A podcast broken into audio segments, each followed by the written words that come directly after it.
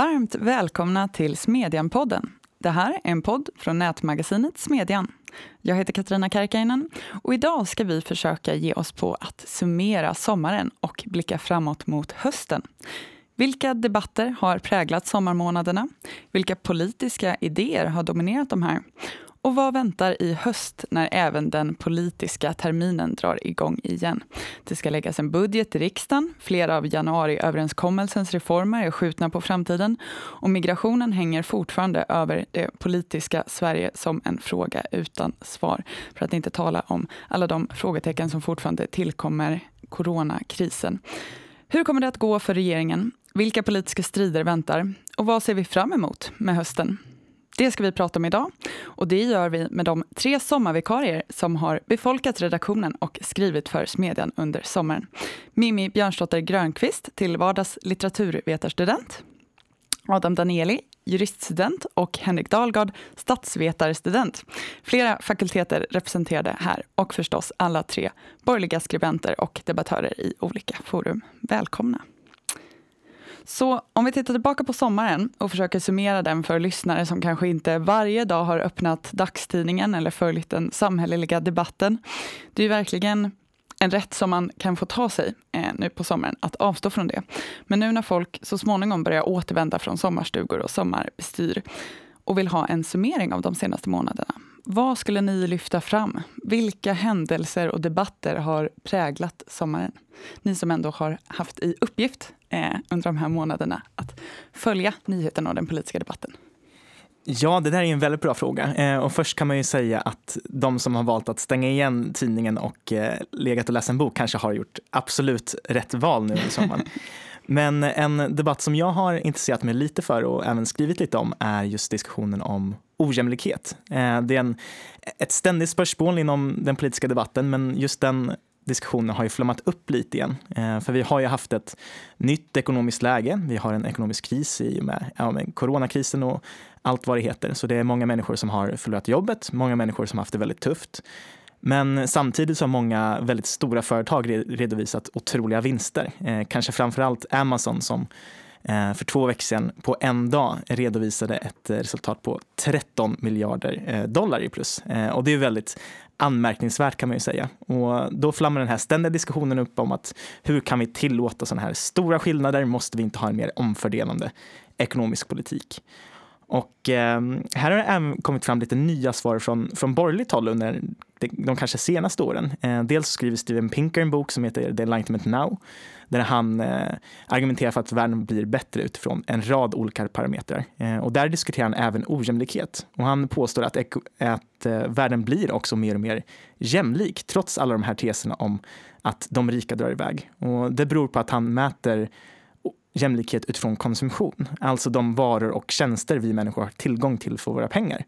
Så när Jeff Bezos och Amazon producerar massa billiga produkter som vi alla kan ta del av, då blir ju vi mer jämlika i ekonomiska termer. För masskonsumtion eh, betyder att alla människor får ta del av en viss vara eller en viss tjänst. Tidigare så var ju konsumtion enbart någonting som eliten hade tillgång till. Eh, och det är väl det man kan se i en marknadsekonomi, att man blir rik för att man producerar eh, någonting som eh, människor inte hade igår. Eh, så det är väl en diskussion som jag har tittat lite mer på. Mm. Det där är ju också, vi är ju inne i ett svårare ekonomiskt läge nu. Jag såg idag att det uppmärksammades att eh, vi har det, det sämsta kvartalet mätt i BNP-resultat på 40 år. Eh, och som du säger har många människor blivit eh, varslade om att förlora jobbet. Och det där är en diskussion som vi de kommande åren kommer behöva ägna väldigt, väldigt mycket av det, det, politiska samtalet och tänkandet åt. Och där det kanske steg nummer ett där kommer vara hur ser vi till eh, att säkra en ekonomisk tillväxt, se till att vår ekonomi och våra marknader har ett bättre funktionssätt, vilket också hakar in lite i det som du skrev i din text om det här. Eh, nämligen att, att samma, samma mekanismer som tillåter någon att tjäna de stora pengarna eh, i ett enskilt företag också de som lyfter vanliga människor ur fattigdom, se till att det finns jobb eh, och kan leva som man gör nu och konsumera till, till hyggliga priser. Mm. Ja, verkligen. Eh, om man ska hamra in den poängen extra mycket så drivs ju eh, samhället framåt. Ekonomin drivs ju framåt av de här entreprenörerna som skapar nytt värde som inte fanns igår eller finner sätt att effektivisera och göra eh, varor billigare eh, som mm. tidigare var väldigt dyra. Eh, sen tycker jag, när man pratar om jämlikhet så finns det en gemensam sak jag tycker att vi i borgerligheten eh, bör diskutera med vänstern och det är just när det kommer till eh, ekonomisk politik och mer inriktat penningpolitik. Eh, för vad man ser just nu eh, så är det så att eh, riksbanker och stater har eh, kommit närmare och närmare varandra. Att man har en väldigt expansiv penningpolitik, det är väldigt mycket kreditexpansion. Och vad vi ser tidigare där så är att sån politik tenderar att gynna människor som har väldigt mycket pengar, människor som har väldigt mycket tillgångar. Eh, så att det finns en ojämlikhet som drivs på av eh, statlig politik och statliga regleringar. Det är kanske någonting som vi inom borgerligheten bör mm. rikta in oss lite på och eh, göra gemensam sak helt enkelt. Eh, mm. För eh, jag är övertygad om att Jonas Sjöstedt kanske inte tycker det är jättekul att människor som är väldigt rika kan låna mycket lättare. Vad säger Adam och Mimmi? Vad tycker ni har präglat sommaren? Jag tycker sommaren präglas väldigt mycket om, eh, av Black Lives Matter-rörelsen eh, som fått upp flera frågor på dagordningar och många olika debatter som har sprungit ur Eh, den diskussionen. Såklart har det blivit mycket om rasism. Eh, både rasismen i USA men också rasismen som finns i Sverige har uppmärksammats. Eh, nu nyligen i ett DN-reportage som tog upp tullvakter som söker igenom och att svarta mm. känner sig mer utsatta i att de ofta blir så utvalda för att bli genomsökta, även här i Sverige. Eh, statydebatten rasade väldigt intensivt länge om vilka gamla eh, främst gubbar som ska få stå staty och vad de står för och vad det eh, vilka värden och vilka som ägt slavar och historiskt hur vi värderar historiska personer eh, var ju en väldigt stor debatt. Eh, och såklart polisens då, eh, våldsanvändning också i stort och befogenheter och hur Eh, Eh, vi säkerställer att polisen eh, agerar rätt har ju varit eh, också väldigt hett i och med det. Och den debatten känns ju som den kommer fortsätta under hösten då det är val i USA och rörelsen kommer få ännu mer eh, utrymme eh, tack vare det. Ja, när vi började sommaren så funderade jag lite grann på Eh, det här med sommartorka, det brukar ju komma varje år att det, det, är en period under sommaren där det inte händer så mycket och där man får plocka fram lite gamla käpphästar och så har det ju verkligen inte varit eh, i år. Det här har varit en väldigt, väldigt händelserik snarare. Eh, jag tror att vi i coronans spår har fått lite av en eh, nära döden-upplevelse. Och jag tänker att, att den, här, liksom, den här pandemin har fått oss att kanske ifrågasätta lite andra saker än vad vi brukar göra. Eh, och att det faktiskt finns en medvetenhet nu att prata om svagheter i system som, som annars inte riktigt eh, visar sig. Vi är ju som bekant ett ganska exceptionalistiskt land och tror väldigt, vi har väldigt stort förtroende för många system oavsett om det är Försäkringskassan eller krisledningsmekanismer på, på statlig nivå. Och så där. Och jag tror att det är nog inte en helt eh, det, det är en ganska välkommen utveckling att man börjar ta lite mer helhetsgrepp om de här systemen. Eh, men Henrik och Mimmi, ni pratade lite grann om, om, globala saker. Jag tänkte begränsa mig lite till Sverige. För att en av de debatter som jag tycker har varit mest intressanta men samtidigt minst som, som kanske dog ut snabbast det var ju den om, om Aron Flams bok En svensk tiger. Mm. Mm. Eh, och behovet så som, som jag ser i alla fall av att, att, reformera det här med upphovsrätten. Det är inte rimligt att den här typen av originella inlägg som jag förvisso inte har tagit del av överhuvudtaget men, men som ändå är liksom konstruktiva inlägg i viktiga frågor ska kunna, kunna eh, prejas av vägen så att säga av en, en upphovsrätt som går alldeles för långt. Och nu är, alltså upphovsrätten är ju väldigt internationaliserad, det är svårt att göra någonting i Sverige men eh, i den mån som går måste man förstå att det här är, det är inte ett rimligt system. Och det andra som jag har tänkt på och som blev en, en eh, eh, som, som pikade för några veckor sedan, det var ju det här överenskommelsen som slöts i Bryssel. För att EU har ju verkligen visat på att man inte ska slösa en, en kris, om man säger så. Och vi har nu slagit in på en, en federalistisk väg i och med att vi har man har fattat beslut om att man ska ta upp en, en gemensam unionsskuld, det vill säga en statsskuld som är kollektiv. Och att man ska eh, investera väldigt mycket pengar, eller investera och investera, förhoppningsvis investera eh, väldigt mycket pengar som i princip då kommer att bekostas av de länder som har eh, starkast ekonomier. Eh, och det här är någonting som, som skulle ha tagit många, många år att, att hamra ut eh, om det inte hade varit för den här krisen, för nu gick det otroligt snabbt. Så att, eh, ja, hux flux så har man öppnat en, en dörr som jag inte tror har varit möjlig utan den här krisen. Så det har jag funderat på. Ja, där är det ju verkligen om det är någonting som har varit så att säga ett återkommande tema i våra diskussioner på redaktionen så tycker jag att det är kanske en liten frustration ibland över hur debatter förs i Sverige och en önskan om eh, att saker inte bara blir på millimeternivå när de väl händer utan att man kan lyfta blicken lite grann och fundera på hur man vill att saker ser ut eh, och vad till exempel, eh, tänker jag på det du sa om eh, Europeiska unionen, man ska ha ett sånt samarbete till på längre sikt. Och det, där känns det verkligen som att det finns ett underskott i den politiska ideologiska diskussionen och att man kanske skulle behöva föra det samtalet eh, mycket mer framöver. Tror du att det också kommer att hända eller står vi, står vi fast här och stampar? Eh, ja, alltså Göran Persson återkom hela tiden till att, att eh, politik handlar om att ta initiativet. Och där kan man verkligen säga att, att där har ju Sverige blivit omsprungna, jag vet inte hur många gånger i EU-samarbetet, att har man en idé om man vill, vad, vill, vad man vill att EU ska hålla på med Eh, så finns det ju möjligheter att göra ganska stora förändringar om man kommer vid rätt tidpunkt och har rätt allierade så att säga. Ja, och, och det kanske inte är en superkontroversiell spaning men jag tror ändå att det här kommer att lägga grogrunden för en, en mer seriös Swexit-debatt. För tidigare har det varit en väldigt perifer åsikt eh, och i både Sverigedemokraternas och Vänsterns normaliseringsprocesser så har ju just att fasa ut EU-motståndet varit eh, eh, väldigt, väldigt centralt. Eh, nu kanske vi ser att den den vänder. Och jag tror att det kan finnas flera partier som har eh, företrädare som kommer att uttala sig på ett annat sätt om EU nu. Det finns mycket, mycket mer öppna dörrar att slå in och kritisera EU för. Um, och det blir kanske svårare och svårare också att motivera varför till exempel Sverige och Norge har valt så olika linjer. Ja, jag skulle vilja kommentera det du har pratat, pratade om och tog upp med eh, upphovsrätten.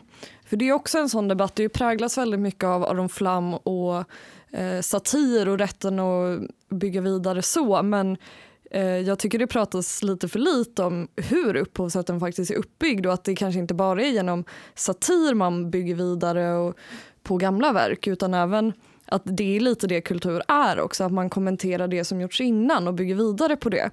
Och då kan ju den upphovsrätt vi har då, det upphovsrättsmannens död och flera decennier efter är verket fortfarande i upphovsrätt. Det måste ju finnas en balans mellan eh, individens rätt till sin intellektuella egendom men också att andra ska kunna bygga vidare och skapa på den kulturen. Och Det är ironiskt att ett av de företag som varit mest drivande i den upphovsrätt vi har, eh, Walt Disney, byggde ju väldigt många av sina tidiga filmer på verk eh, som var allmän egendom. Mm. Eh, och man kan ju tycka att man borde ha större förståelse för att vi, den processen behövs och att vi behöver verk som är allas att ta del av.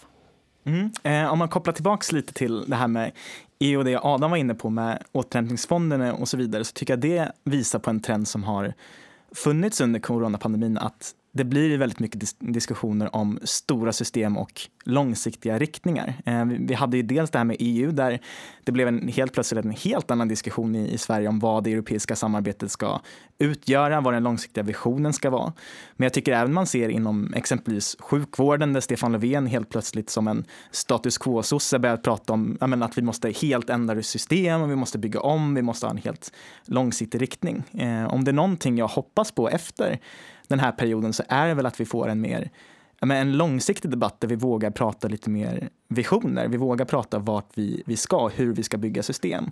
För jag tycker att den, den senaste tidens politiska diskussioner inom corona så handlar det väldigt mycket om att upprätthålla någon slags status quo. Och det, var läng, det var väldigt lite diskussioner om vart man ville. Eh, så om det är någonting positivt som kan komma ut av corona så tror jag är just det, att vi för en diskussion om hur vi ska bygga om system som kanske är ganska dysfunktionella. Ja, men på den noten då, om vi eh, eh, tar oss an att blicka framåt lite mot hösten. Vilka frågor tycker ni är sådana som man kommer att behöva ta tag i nu när även ministrar och andra politiker kommer tillbaka från sommarledigheten? Ja, med risk att direkt bli lite torr och byråkratisk eh, så, där, så hoppas jag att vi kan, vi kan eh, prata om byråkrati. Eh, för att symbolfrågor och sådär och, och statyer och Black Lives Matter och, och rikedom och fattigdom och sådär. Det är ju viktiga frågor men jag tror att Sverige behöver en, en riktig diskussion också om väldigt så praktisk krispolitik? Hur funkar liksom krisledning? Hur funkar kopplingen mellan myndigheter och regeringen? Vem har ansvar för samhällets så att säga mest basala funktioner? För att om det är något som har blivit väldigt tydligt nu så är det ju att vi vet inte riktigt vem som har ansvaret och sen när coronapandemin faktiskt kommer att ebba ut och människor kommer att vilja utvärdera och utkräva ansvar och kanske eh, byta ut en del eh, personer som man inte eh, menar har eh, förvaltat ett förtroende väl, ja, då kommer det bli väldigt svårt för att vi vet inte riktigt vem det är som har ansvaret. Eh, och jag har ju en gammal käpphäst som, som blev en, en artikel nu eh, tidigare som handlar om den statliga, eller regeringens utnämningsmakt. Det vill säga hur vi utnämner eh, myndighetschefer i Sverige. Eh, för regeringen har en väldigt stor möjlighet att i princip helt utifrån egna, egna premisser och, och ibland på väldigt märkliga eh, meriter utnämna människor som då ska vara opolitiska myndighetschefer. Och det här är människor som är, har väldigt stort inflytande och där måste man kanske se över hur tillsätter vi de här personerna, hur avsätter man de här personerna och dessutom hur, vad är politikens ansvar och vad är myndighetschefens ansvar i ett sånt här läge. Så att om, om man vill titta på stora system så tror jag att det finns en del ledningsmässiga system eh, som skulle behöva tas upp. Mm.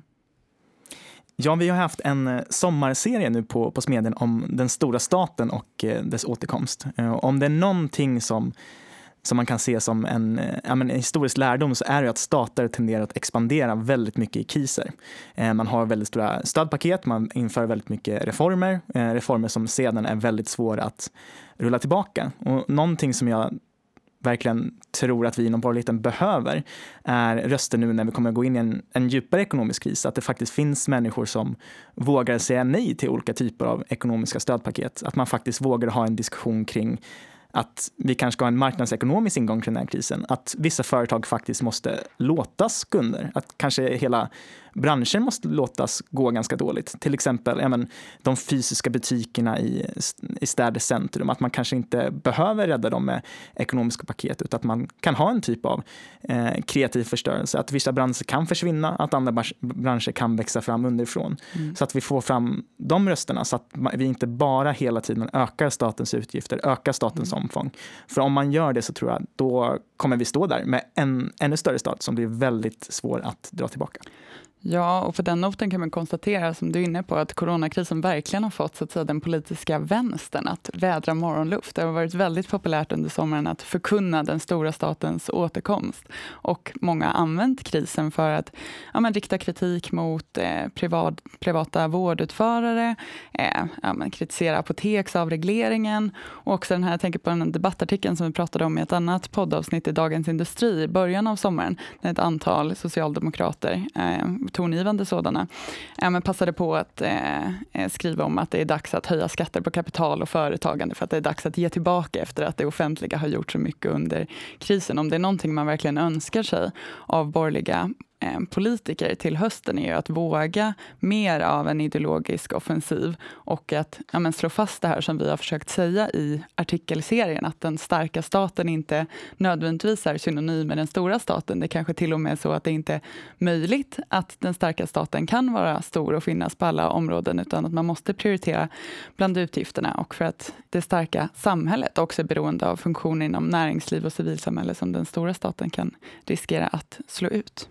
Jag tycker också det är lite sant att vi pratar så mycket om eh, kris nu i förhållande till corona men som också blir intressant framöver tror jag i, när vi pratar om klimatkrisen som ju också behöver mycket av det tänket Du tar upp Henrik att det är kanske inte den stora staten som ska lösa eh, klimatkrisen men samtidigt är det intressant lite i skillnaden i de här två kriserna då coronakrisen är en kris som vuxit fram snabbt eh, och väldigt plötsligt och även om det är en vi kommer dras med den krisen länge så har den en kortare tidshorisont än klimatkrisen som är en väldigt eh, långsamt brännande kris får man ändå säga. Att det är eh, lång tid vilket gör en annan svårighet att där är det också svårt att kräva ut ansvar av politikerna för att det är, en, det är så himla långa perspektiv. Men vi behöver ju mer av dem. Det är det som behövs för att kunna lösa klimatkrisen. Eh, coronakrisen blir en kris som som ger politikerna chans att visa på kortsiktig handlingskraft. Men jag tror framöver att vi kommer behöva den mer långsiktiga politiken och det tänket. Jag tänker apropå de här långa linjerna och kanske mer liksom, större strukturfrågorna om liksom, samhällets beskaffenhet på något vis. Att det känns som att, om man tittar på dagspolitiken, att vi mer och mer under hela sommaren och framförallt nu när vi går in i hösten går ifrån den här borgfreden som har rådat i den nationella politiken, framförallt under våren. Ehm, alla tycker jag ändå verkligen i sina liksom respektive sammanhang, poster och partier utifrån de möjligheter som man har, har ansträngt sig för att vara konstruktiv och göra det bästa av den här svåra situationen med anledning av pandemin.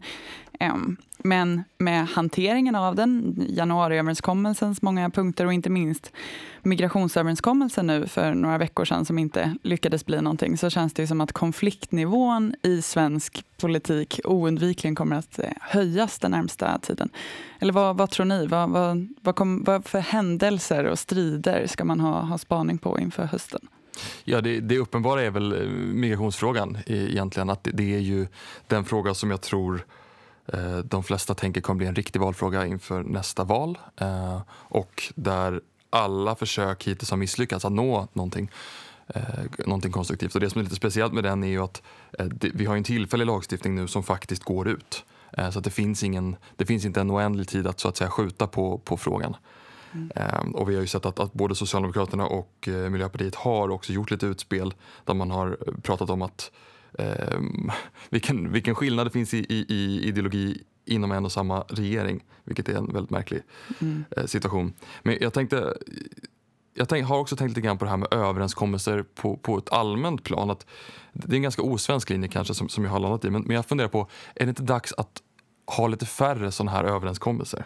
Alltså migrationspolitiken skulle man lösa i en sån här parlamentarisk kommitté. Gängvåldet skulle man sätta sig ner och lösa. Regeringsunderlaget är, byggt på ett avtal och nu så, såg jag så sent som idag att Liberalerna vill att nej, men nu ska vi ha en ny överenskommelse och parlamentarisk utredning om den framtida kulturpolitiken. Ibland behöver vi faktiskt konflikter. Mm. Alltså, tjänar demokratin verkligen på, på ett system att bestämma som alltid sker bakom slutna dörrar och där alternativen är i princip kompromisser redan från början? Eller bör man liksom jobba åt det andra hållet. Mm. Um, och det här är ju liksom, vi, vi, i Sverige tar ju ofta väldigt stor cred för att vi är så duktiga på att nå svåra överenskommelser och det har ju lyckats ibland men, men nu så känns det som att den här slå i dörrar-politiken är det, det, det, blir bara fördummande. Uh, mm. Så att, uh, ja, jag hoppas på att vi, vi slipper de överenskommelserna. Man faktiskt kan ha lite, lite egna förslag för en gångs skull. Ja, Inte bara ingångsvärden.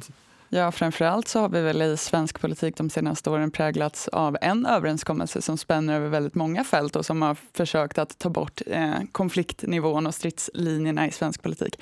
Vad tror ni om januariöverenskommelsens framtid? Kommer den bli, få en svårare höst än vad den har haft vår och sommar?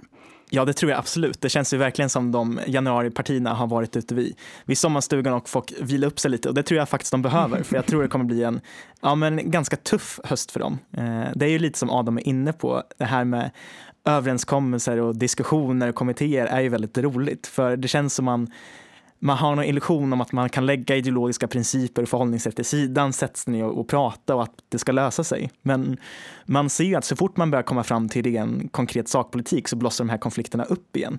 Mm. Eh, exempelvis nu precis innan sommaren så gav ju LAS-utredningen upphov till en mm. enorm politisk debatt och det är ju någonting som vi kommer ta upp igen nu, jag tror det är i slutet av augusti. Eh, så januaripartierna kommer nog, eh, kommer nog få en stressig tillbakagång från semestern eh, och komma jag hoppas i alla fall att det kanske eh, kan börja ske lite sprickor i det samarbetet. Nej, men det, corona har ju också flyttat mycket av diskussionen till ekonomisk politik av naturliga skäl och det är ju där många av de allra största splittringarna ligger för januaripartierna vilket såklart presenterar stora utmaningar nu inför hösten när budgetarbetet ska dra igång eh, blir det också väldigt intressant att se vad man ska komma överens om. Liberalerna har gått ut och krävt väldigt stora skattesänkningar eh, för företagen för att kickstarta igång ekonomin. Och det blir intressant att se vad sossarnas svar på det kommer vara. Eh, troligen inte helt överförtjust kanske.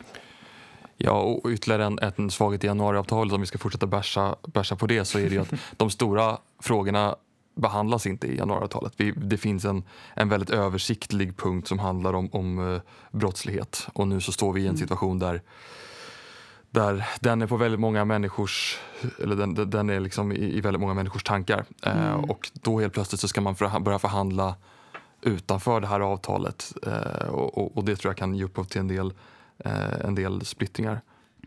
Ja, det där är ju verkligen en sån där fråga, den om eh, brott och straff som man inte riktigt inte kan beröra och som också nu när vi går in i hösten kommer finnas än mer i människors medvetande och också det politiska samtalet. Coronaviruset har ju tagit mycket av vår uppmärksamhet under, under året, men de problem som redan fanns när vi gick in i pandemin finns ju fortfarande kvar och det kanske allra särskilt gäller våldet och otryggheten. I helgen så sköts en 12-årig flicka till döds i Botkyrka i Stockholm. Det här blir som ytterligare en sån händelse som man trodde inte kunde hända, men sen som ändå händer, trots att vi sa att det inte fick hända och blir ytterligare ett steg i den här förgrovningen, men också kanske visar hur pass avtrubbade många av oss har, har blivit av det här. Jag gick tillbaka och tittade på eh, reaktionerna hösten 2019 när svenska politiker reagerade efter det här mordet i Malmö där en mamma sköts till döds hållande sin bebis som av naturliga skäl blev väldigt uppmärksammat. Och då var det väldigt kraftfulla uttalanden som gjordes. Morgan Johansson skrev på Twitter att de ska jagas till världens ände om det behövs. Kallblodiga mördare kan inte få gå lösa. Och statsministerns konto twittrade att vi ska med beslutsamhet besegra de här mördarna. Och Ardalan Shekarabi lovade att samhället kommer att besegra ondskan. Och Mikael Damberg skrev att så här kan vi inte ha det, det får inte fortsätta. Och det är sånt som man säger, det får bara inte fortsätta. Men det fortsätter än dock. Och det finns förstås inga liksom snabba eller enkla lösningar på det här problemet som ju går djupt ner i stora delar av det svenska samhällets funktionssätt. Men jag vet inte, jag vet inte vad ni tycker, men jag får inte känslan heller av att det är så extraordinärt mycket som har gjorts i försök att hejda utvecklingen heller.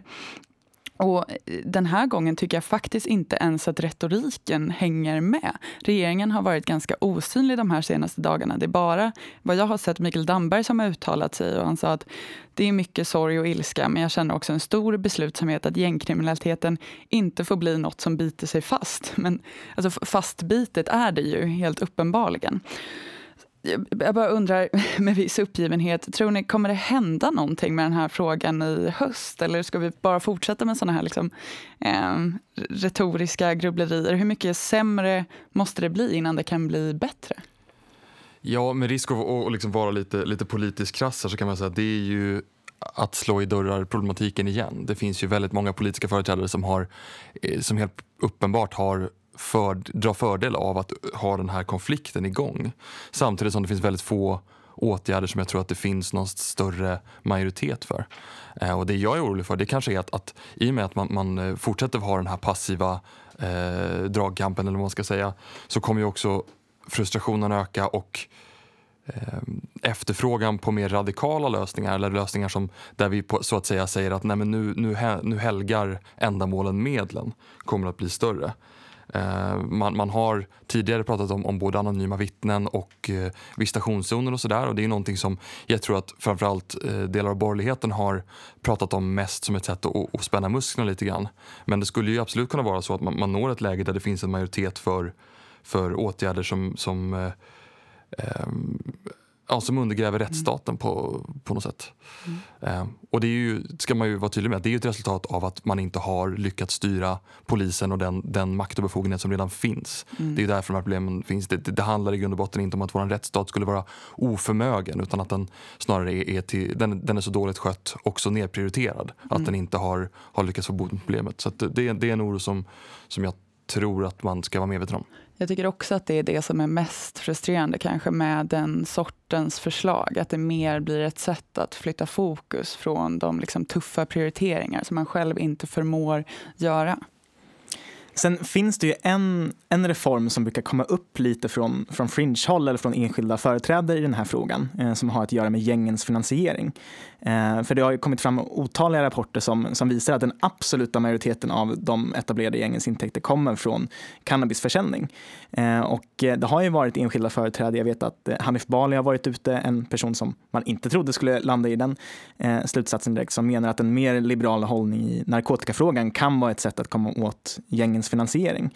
Och nu kan jag vara lite naiv och optimistisk här, men jag tror att det kan finnas ett hopp om att nå eh, framgång i den lösningen. Eh, och det beror ju på att eh, man håller just nu på med arbetet med en ny ANDT-strategi, eh, alltså eh, alkohol, narkotika, droger och tobak. Eh, och inför det här arbetet så föreslog Folkhälsomyndigheten en utredning av Eh, kriminaliseringen av bruket av narkotika i Sverige, någonting som de flesta partier har ställt sig bakom. Eh, så det är ett arbete som man kommer att arbeta med eh, under hösten och kanske, eller förhoppningsvis komma fram till en lösning. Så det kan väl vara ett ställe att börja på från en liberal vinkel. Ja, det återstår att se om den eh, frågan kan, kan förflytta sig även i, i en sån debatt som den svenska. Jag hoppas ju också att det här eh, fortsatt blir en, en uppmärksammad fråga. Det kan man nog lita på att den blir, men där det också tillåts finnas en hög eh, konfliktnivå i politiken därför att den är eh, så väldigt allvarlig och både fler av regeringsrepresentanterna, statsråden, eh, vågar gå ut och debattera den här frågan men också att eh, januariöverenskommelsens två liberala stödpartier ställs eh, lite mer till, till ansvar för den politik som regeringen ändå bedriver som oundvikligen blir konsekvensen av att ta bort konfliktlinjen i och med den här överenskommelsen. Finns det några frågor i övrigt som ni tror tyvärr inte kommer få uppmärksamhet under hösten men som borde få det? Ja, det är ju det här med ekonomin. Jag tror det kommer handla väldigt mycket om eh, krispaket. Jag tror det kommer handla väldigt mycket om eh, expansiv penningpolitik och vad staten kan göra för att komma till bukt med den ekonomiska krisen. Och då finns det en risk att de mer marknadsekonomiska hållningarna försvinner, att vi inte får en marknadsekonomisk hållning till mm. kriser, att vissa branscher faktiskt måste gå under för att lämna plats till eh, nya nyskapande innovationer och så vidare. Eh, men jag, jag, hoppas att det finns röster som, eh, som höjer den kritiken också. Kanske mm. vi på Smedjan.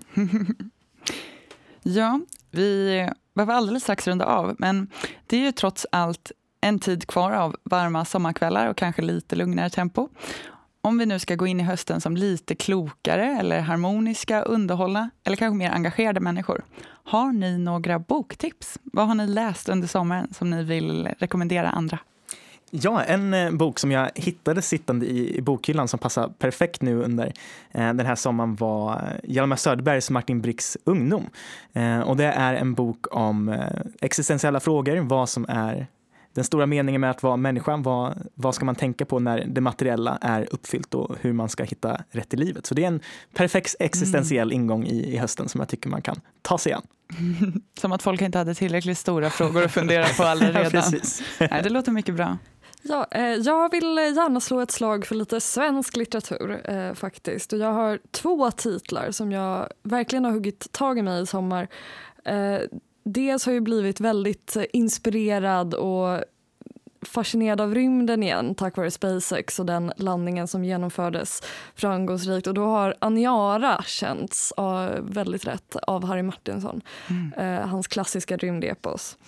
Um, värt att fundera över vår plats i universum. Uh, men sen så tycker jag också att uh, Åshöjdens BK, den gamla klassikern, uh, faktiskt är en bok som känns väldigt relevant idag. Om avfolkningsorten, om vad samtidigt idrotten och kulturen kan betyda eh, för människor på orten och ortens uppgång och fall eh, som skildrades på ett sätt så jag som en Stockholmssnärta kunde ändå förstå eh, verkligheten för många människor på andra håll i landet och den tycker jag är väl värd att läsa. Mm, mycket bra tips, kanske kan vara värt att läsa även för oss som har viss erfarenhet av det där. ja, uh, oj vilka, vilka, eh, vilka tips, vilka frågor. Nej, jag, jag tänkte ta någonting, uh, någonting lite mer handfast, uh, ytterligare en, en gubbe som jag tror står staty någonstans. Jag tänker tipsa om, om Fredrik Bastias ekonomiska sofismer som jag har läst om i sommar. och det är inte för inte utan det, det han är väldigt intressant både för den som vill förstå att frihandel inte är en självklarhet och att välstånd inte är en självklarhet. Men framför allt kanske den grundläggande Europatanken. För i och med att EU har, har förändrat väldigt mycket vår syn på Europa och vad vi tar för självklart så kan det vara bra att gå tillbaka till mitten av 1800-talet och, och se hur Europa inte alltid har varit en rik kontinent, det har inte alltid varit en fredlig kontinent och inte alltid varit en kontinent där man kan eh, handla och flytta sig som man, som man vill. Ja, för den som vill läsa om, om eh, Europa eh, och de ideal som jag tror att vi måste ha i EU-samarbetet kan gå tillbaka till Fredrik Bastiat. Vad har du för boktips, Katarina? Ja, jag vet inte om jag skulle säga att det är ett boktips. Jag har ägnat eh, sommaren åt Knausgård. Om man tycker att det här året har varit lite tufft och sådär så kanske inte det är den mest så upplyftande läsningen. Däremot så måste jag säga att han har en del intressanta spaningar om Sverige och den svenska debatten som kan vara, ibland så behöver vi någon som betraktar oss lite halvt utifrån för att få se, eh, ja, men se in i en del av det som på något vis är folksjälen. Um, Ja, men jag tyckte att det var fyra alldeles utmärkta lästips som vi alla säkert blir klokare av. Någonting annat som man blir klokare av är också några av våra texter som jag tänkte att vi skulle tipsa om innan vi rundar av här. Och det är Straffen var aldrig tänkta att vara rättvisa av Adam Danieli. Jeff Bezos förtjänar varenda krona av Henrik Dahlgard och Kulturbidragspolitiken är värre än coronastipendier av Mimmi Björnsdotter Grönqvist. Med det sagt så får vi lov att sätta punkt för denna gång och jag får lov att säga varmt tack till Adam, Mimmi och Henrik för idag. Tack och hej. Tack. Tack så mycket.